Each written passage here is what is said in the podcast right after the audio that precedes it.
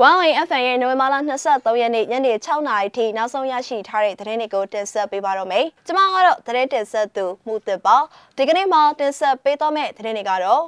ရန်ကုန်တိုင်းအတွင်းရှိပရာဟိတအဖွဲ့တွေမှတ်ပုံတင်ရတဲ့လိုင်စင်မဲ့လူနာတင်ကားတွေအသုံးမပြုဖို့စစ်ကောင်စီညွှန်ကြားစာထုတ်တဲ့သတင်း။ချောင်းဦးစင်ဖြူရှင်လမ်းမှာစစ်ကားလေးစီမိုင်းခွဲခံရပြီးထိခိုက်သေးဆုံးမှုများဟု PDF ထုတ်ပြန်တဲ့သတင်း။ ရန်ကုန်မြို့နယ်တချို့မှာရဲနဲ့စစ်သားလိုက်ပါပြီးမီတာမဆောင်တဲ့အိမ်တွေကိုမိဖြတ်တဲ့တဲ့။ဩစတြေးလျမှာကိုဗစ်ကာကွယ်ရေးကန့်သက်ချက်တွေပြက်လဲချမှတ်တဲ့အကြောင်းအစရှိတဲ့သတင်းတွေကိုတင်ဆက်ပေးသွားမှာပါ။ဦးဆောင်တဲ့အနေနဲ့ရန်ကုန်တိုင်းအတွင်းမှာရှိတဲ့ပရာဟိတအဖွဲ့တွေမှတ်ပုံတင်ရတဲ့လိုင်စင်မဲ့လူနာတင်ကားတွေအသုံးမပြုဖို့စစ်ကောင်စီညွှန်ကြားစာထုတ်တဲ့သတင်းကိုတင်ဆက်ပေးပါမယ်။ ရန်ကုန်တိုင်းအတွင်းမှာရှိတဲ့လူမှုရေးပရဟိတအသင်းဖွဲ့တွေအားလုံးအမြန်ဆုံးမှတ်ပုံတင်ကြဖို့နဲ့လိုင်စင်မဲ့လူနာတင်ကားတွေအသုံးမပြုဖို့စစ်ကောင်စီကမြို့နယ်အလိုက်အကြောင်းကြားစာတွေလိုက်လံပို့ဆောင်နေကြောင်းလူမှုရေးအသင်းဖွဲ့တွေထံကနေသိရပါတယ်။ အဆိုပါညွှန်ကြားစာကိုနိုဝင်ဘာလ15ရက်နေ့မှစတင်ကမြို့နယ်အလိုက်ထုတ်ပြန်အကြောင်းကြားထားခြင်းပဲဖြစ်ပါတယ်။အကြောင်းကြားစာမှာ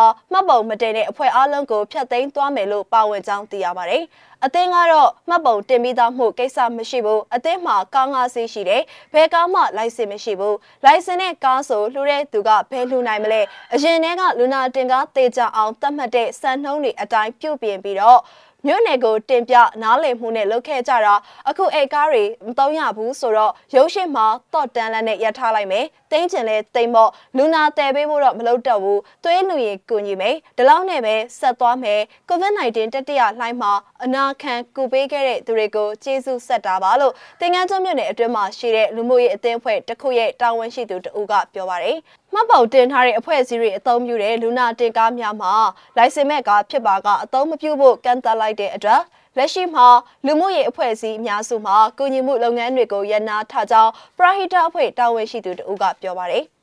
။ဦးတို့အသင်းကတော့အရင်တည်းကမှတ်ပုံတင်မရှိဘူး။အိယာဝင်းတဲ့အတွက်လို့ပဲရည်ရွယ်ရင်းလှုပ်ရင်းကနေအသင်းကကြီးထွားတာပေါ့။ကားတစ်စီးဝယ်လိုက်နိုင်တော့အဲ့ဒါလေးနဲ့ကူညီပေးနေတာ။အခုကလိုင်စင်မရှိရင်မရမှတ်ပုံတင်ရှိရမယ်ဆိုတော့မနေ့ကအစည်းအဝေးထိုင်နေ အားလုံးဆုံးဖြတ်ချက်ရအခုကားကိုမြို့နယ်ကိုအပ်လိုက်မယ်အဖွဲ့ကိုရှာရီဖြတ်သိမ်းမယ်အလွန်ငွေလက်ကျန်ကိုစီးရှင်နှန်းထုတ်ပြန်ပြီးတော့အိယာဝင်းထဲကလူတွေရဲ့သဘောထားကောက်ယူမယ်ဒီအလွန်ငွေလက်ကျန်ကိုနွမ်းပါတဲ့နေရာတွေကိုလှူမလားရမုံငွေတက်တက်ထားမလားအိယာတွေကတွေကကောဘလို့ဆန္ဒရှိလဲဆိုတာမေးပြီးဖြတ်သိမ်းနိုင်မယ် COVID-19 ကာလမှာပြည်သူတွေကိုဘလို့ကူညီနိုင်ခဲ့လဲဆိုတာမှတ်တမ်းကောင်းကြံခဲ့ပါလိမ့်မယ်လို့တင်ငန်းကျွမြို့နယ်အတွင်းမှာရှိတဲ့ပရာဟိတအဖွဲ့တစ်ခုရဲ့တာဝန်ရှိသူတဦးကပြောပါတယ်စစ်ကောင်စီရဲ့ညွှန်ကြားစာပေးပို့လာမှုဟာပြည်သူ့ကျန်းမာရေးဝန်ဆောင်မှုကိုအားထားနေရတဲ့နွမ်းပါပြည်သူတွေပုံမှုအကျိုးရုပ်စေဖို့လှုံ့ဆော်ခြင်းဖြစ်တယ်လို့ဝေဖန်ပြောဆိုနေကြပါတယ်။ဆက်လက်ပြီးချာအိုစင်မြူရှင်လမ်းမှာစစ်ကားလေးစီမိုင်းခွဲခံရပြီးထိခိုက်သေးဆုံးသူတွေများဟု PDF ထုတ်ပြန်တဲ့သတင်းကိုတင်ဆက်ပေးပါမယ်။ စကိုင်းတိုင်းဒေသကြီးချာအိုစင်ဖြူရှင်လမ်းတနေရာမှာစစ်ကောင်စီက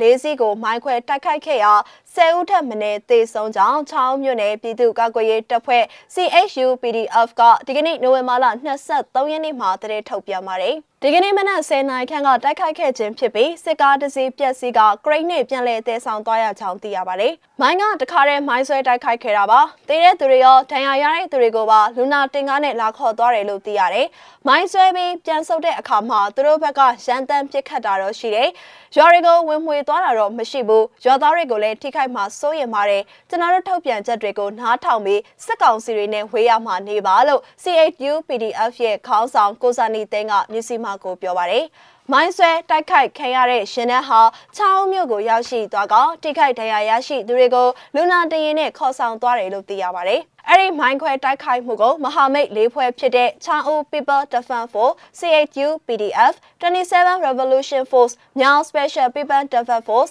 MSPDF နဲ့ TGR မြောင်အဖွဲ့တို့ပူးပေါင်းလှုပ်ဆောင်ခဲ့ခြင်းဖြစ်ပါတယ်။ CHU PDF ဟာအကြမ်းဖက်စစ်ကောင်စီအလုံးစုံပြတ်သုံးရေးပြည်သူအာဏာပြည်သူထံပြန်လည်အနှံ့နိုင်ရေးနဲ့ Federal Democracy နိုင်ငံတော်သစ်တည်ဆောက်နိုင်ရေးတို့အတွက်စကိုင်းတိုင်းဒေသကြီးအတွင်းမှာရှိတဲ့ဒေသခံမဟာမိတ်ကာကွယ်ရေးတပ်ဖွဲ့တွေနဲ့ပူးပေါင်းပြီးခုခံတော်လှန်မှုတွေဆင်းရဲလျက်ရှိပြီးရီမန်းချက်ပန်းနိုင်ရောက်ဖို့ဆက်လက်တိုက်ပွဲဝင်သွားမှာဖြစ်ကြောင်းအသိပေးကြေညာထားပါတယ်ရှင်။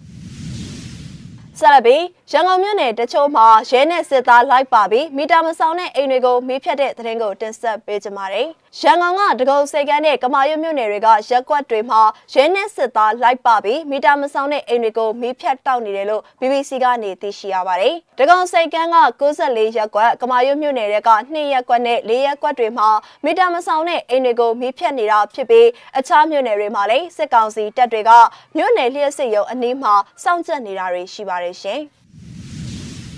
နောက်ဆုံးသတင်းအနေနဲ့ဩစတြေးလျမှာကိုဗစ်ကာကွယ်ရေးကန့်သတ်ချက်တွေပြန်လည်ချမှတ်တဲ့အကြောင်းကိုတင်ဆက်ပေးကြပါမယ်။သတင်းပြေဆုံးကိုတော့ရုပ်သံဖိုင်မှာရှုစားကြည့်ပါအောင်ရှင်။ခရစ်စမတ်အားလပ်ရက်မတိုင်မီဩစတြေးလျနိုင်ငံဟာဈေးဆိုင်တွေစားတောက်ခန်းတွေနဲ့ဈေးပွဲတော်တွေကိုနိုဝင်ဘာလ22ရက်တနင်္လာနေ့ကစတင်ပိတ်ပင်လိုက်ပြီးအနောက်ဥရောပမှာလအတန်းကြာမြင်တွေ့ခဲ့ရတဲ့အတင်းကျပ်ဆုံး COVID-19 ကန့်သတ်မှုတွေအဖြစ်ပြန်လည်ရောက်ရှိလာခဲ့ပါတယ်။ယင်းဆုံးဖြတ်ချက်ကြောင့် ပြင်းထန်တဲ့တုံ့ပြန်မှုတွေဖြစ်ပေါ်လာစေခဲ့ပြီးလမ်းမတွေပေါ်ကိုတောင်းနဲ့ချီတဲ့လူတွေထွက်လာခဲ့ကြပါတယ်။တချို့ကဥရောပကိုကြားရောက်လာတဲ့ နောက်ဆုံးကိုရိုနာဗိုင်းရပ်စ်လှိုင်းကိုဟန်တားနိုင်ဖို့အတွက်အစိုးရအနေနဲ့ပုံမတက်ကြွတဲ့လှုပ်ဆောင်မှုတွေမပြုလုပ်ခဲ့ကြောင်းအပြစ်တင်ကြပါတယ်။တနင်္လာနေ့မနက်အေယာကနိုးထလာမဲ့ဩစတြေးလျရဲ့လူဦးရေ၈ .9 သ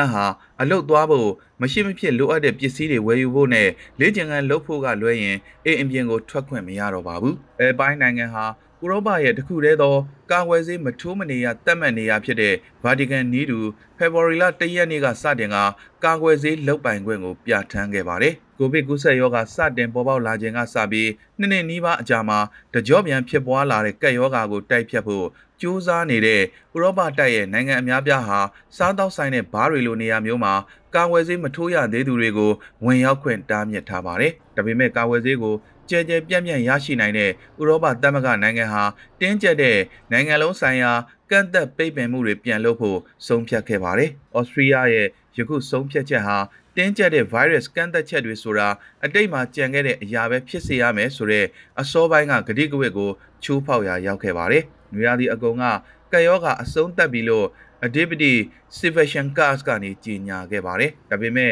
မြင်မာတဲ့ကူးစက်နှုန်းစံချိန်တင်ယောဂဖြစ်ပွားနှုန်းနဲ့သေဆုံးမှုတွေတိုးလာတဲ့အတွက်အစိုးရအနေနဲ့ရခင်ကရဲရင်စွာပြောဆိုခဲ့တဲ့ဂရိကွေတွေကိုနောက်ပြန်ဆုတ်ဖို့တွန်းအားဖြစ်လာစေခဲ့ပါတယ်။ 1AFA ရဲ့နိုဝင်ဘာလ23ရက်နေ့ညနေ6နာရီထိနောက်ဆုံးရရှိထားတဲ့သတင်းတွေကိုတင်ဆက်ပေးခဲ့တာပါ။နားဆင်ပေးခဲ့တဲ့အတွက်ကျေးဇူးတင်ပါတယ်ရှင်။